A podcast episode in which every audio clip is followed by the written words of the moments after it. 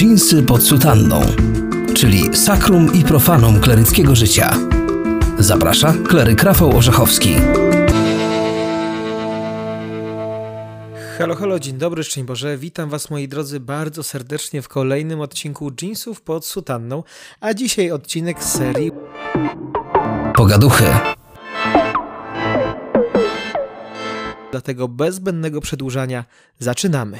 Dzisiaj chciałbym Wam opowiedzieć, jak to jest, kiedy ludzie na początku nie wiedzą, kim jestem, to znaczy nie wiedzą, że jestem klerykiem i w przyszłości będę księdzem, a potem jak się zmienia czasem to podejście, kiedy w pewnym momencie właśnie dowiadują się o tym, że chodzę w sutannie, w koloradce i w przyszłości chcę swoje życie w całości poświęcić Bogu i Kościołowi. No bo wiecie, czasem jest taka sytuacja, że po prostu jestem w środowisku, które mnie nie zna. No bo spotykam ludzi w sklepie, na ulicy, na wyjazdach, na wakacjach, na jakichś wycieczkach. No i czasem się nawiązują znajomości.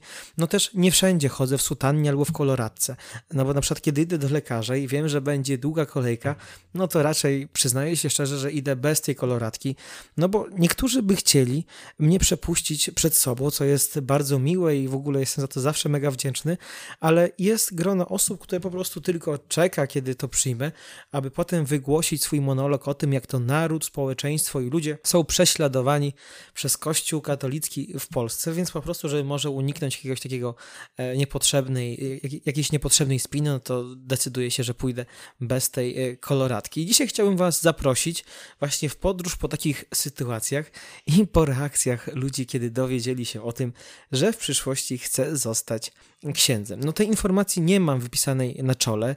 Niektórzy mówią, że istnieje takie coś jak twarz e, brewiarzowa, która z, z liczbą odmówionych różańców i odmówionych psalmów itd., tak itd. Tak coraz bardziej zaczyna przypominać tę twarz e, kapłańską. Nie wiem, czy takie coś istnieje. Wiem jednak, że ludzie, kiedy widzą mnie pod koloratką i, i w sutannie, no to oprócz wszystkich takich fajnych reakcji, gdzie po prostu jest pełen luz i możemy sobie spokojnie porozmawiać, no to czasem zdarza się tak, że dana osoba się zamyka i udaje, że albo mnie nie widzi, albo że mnie nie zna, albo po prostu, że gdzieś się śpieszy, lub też w rozmowie czasem chce sprawić wrażenie, jakby było wszystko ok, jakby nie miała żadnych problemów i że z wiarą jest wszystko ok, i z tym chodzeniem do kościoła jest wszystko ok. Nie, no i jasne, że ja nie oczekuję tego, że ktoś y, spotkany na ulicy będzie mi opowiadał historię swojego życia, e, albo że opowie mi o wszystkich swoich problemach. No też jestem świadomy, że mam 22 lata i te nie wszystkie problemy będę w stanie jakoś rozwiązać, prawda? No bo mam jeszcze małe doświadczenie, jestem jeszcze młodą osobą, no ale przecież możemy je wspólnie nieść. E, kiedy się niesie we dwóch jakiś ciężar, no to jest trochę łatwiej. I nawet jeżeli bym nie umiał jakoś pomóc tak stricte, że nic doradzić ani tak dalej, to przecież mogę tę sprawę w jakiś sposób omadlać. Więc lubię te momenty, kiedy sobie możemy stanąć właśnie w takiej pełnej szczerości i w pełnym zrozumieniu, poszanowaniu siebie, poszanowaniu swoich zasad i porozmawiać, z czym mam wątpliwości, z czym się może też nie zgadzam e, z Kościołem, czy tak dalej. No bo przecież Pan Jezus też chodził i rozmawiał z osobami, którym nie po drodze było z Bogiem, e, które może na pierwszy rzut oka przez społeczeństwo były odbierane jako, że są poza tą synago synagogą, poza religią, poza może są w ogóle niegodne Pana Boga, nie? Co jest najdziwniejszym e, sformułowaniem, jakim mogę znać. No bo jeżeli Jezus był Bogiem i chodził do tych osób i z nimi rozmawiał, jadł, przebywał, no to czemu ja, również grzesznik, nie mogę iść do innych grzeszników, nie? To nie wiem, czy są więksi, czy są mniejsi, nie będę tego oceniał, ale no chcę wychodzić do tych ludzi właśnie, których gdzieś e, tam poznaję na swojej drodze i z nimi rozmawiać.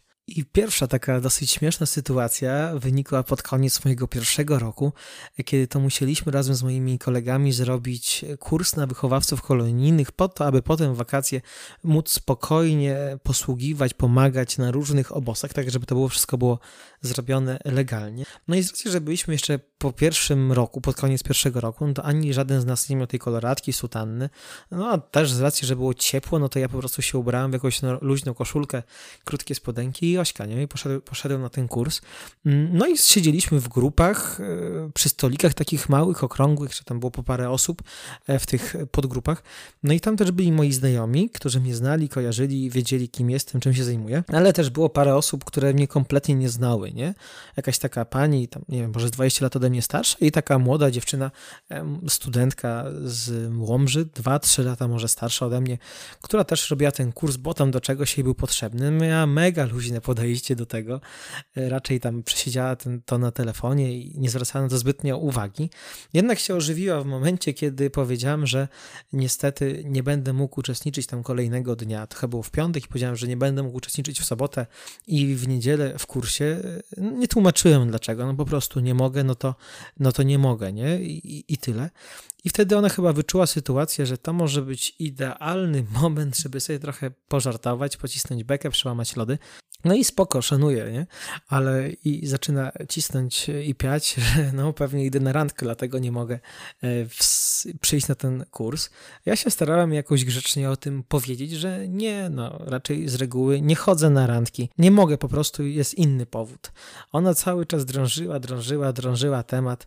E, ta, jasne, na pewno idziesz na randkę, nie?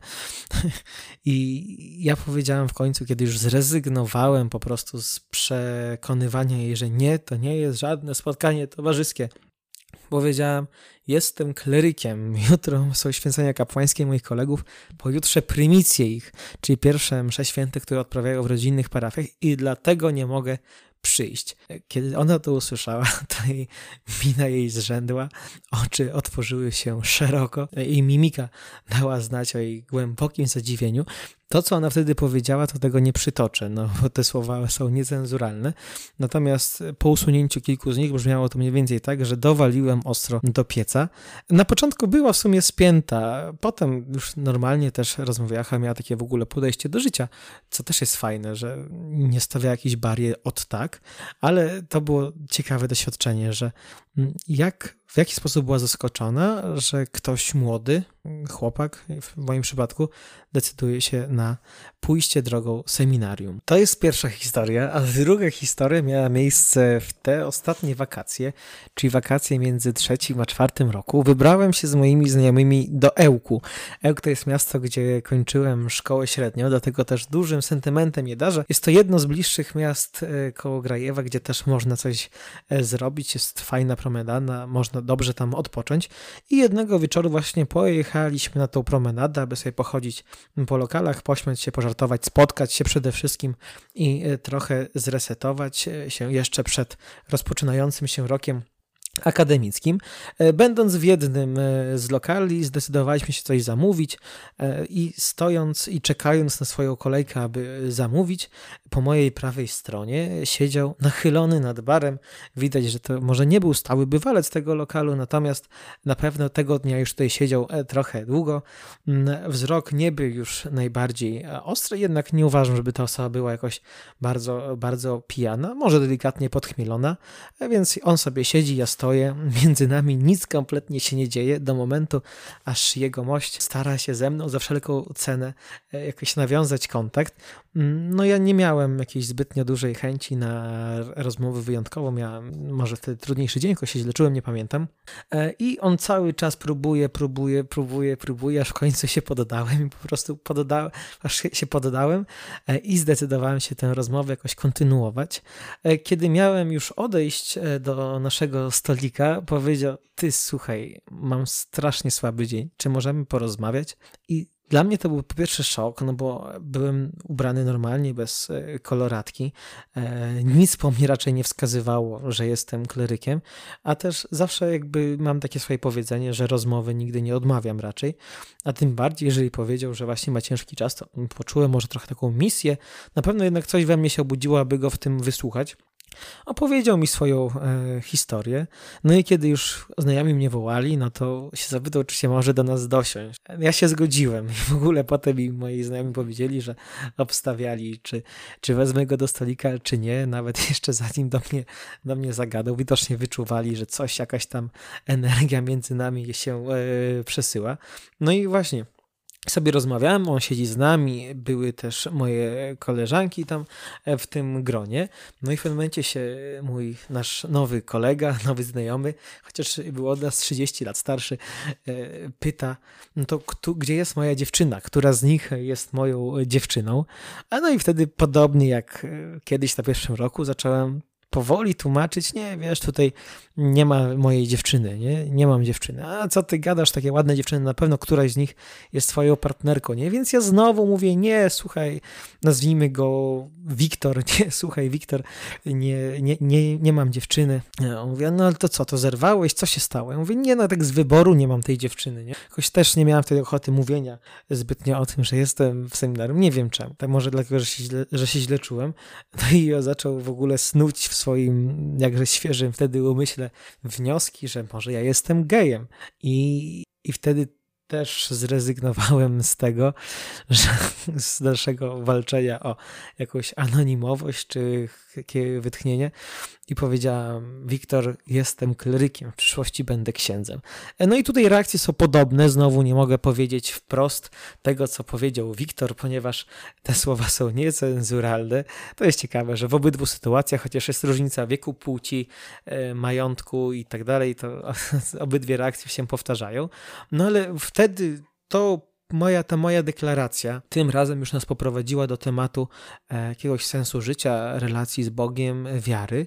I tutaj Wiktor naprawdę był e, w tym wszystkim szczery, nie? Powiedział, że ma wątpliwości, że ma z tym problemy, więc my się go zapytaliśmy, czy możemy mu opowiedzieć e, o Jezusie i o tym, że Jezus kocha wszystkich, każdego, w każdym wieku i w każdym stanie, również tym, który się znajduje Wiktor.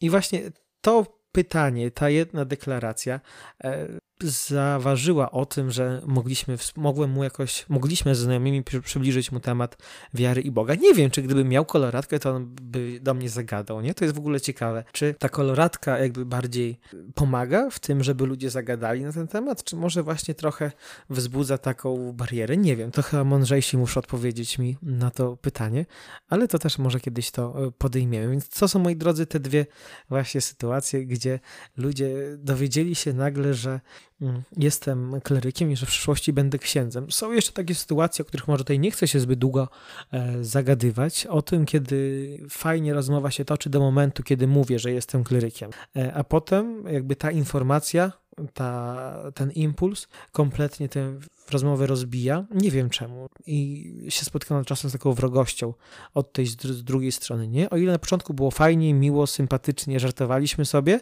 no to potem, kiedy ta druga strona się dowiaduje, że jestem klerykiem, no to tylko przez pryzmat swojej wizji Kościoła i swojego postrzegania Kościoła, czy tego, jak Kościół jest przekazywany w mediach, no to zostaje po prostu wrzucony w ten jeden worek i jakby się wtedy już nie liczy, jak było, czy było fajnie, czy nie było fajnie. Ale to są kilka kilka takich przypadków, które myślę, że możemy sobie spokojnie jakoś tam włożyć po prostu w koszty e, tego, tego wszystkiego. I możecie się w sumie zastanowić, no dobra, kleryk, ale dlaczego w ogóle byłeś wieczorem w Ełku ze znajomymi w jakimś lokalu?